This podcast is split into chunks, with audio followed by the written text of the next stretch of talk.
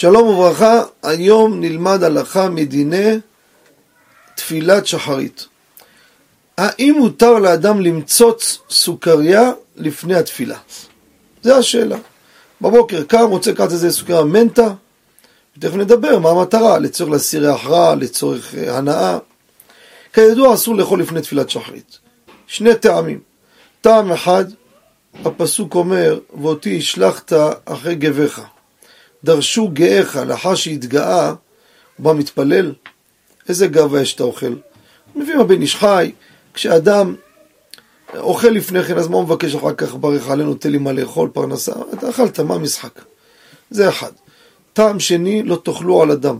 לא לאכול עד שתתפללו על הדם שלכם. מה זה? על החיים שלך.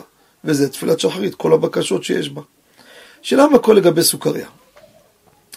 המשנה ברורה הביא אדם שרוצה לאכול ליקריץ לפני התפילה, ללעוס, כדי להסיר ריח רע מהפה שלו. קם בבוקר יש לו ריח, והמשנה ברורה מותר. אבל יש הבדל בין סוכריה לבין זה.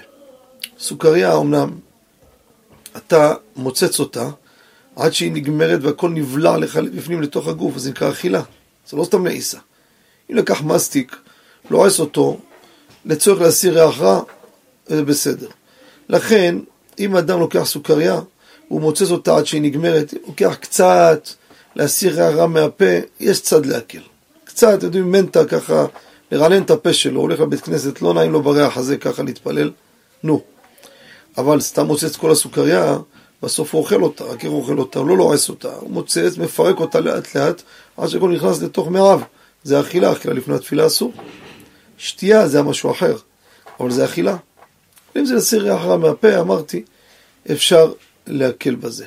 תודה רבה וכל טוב.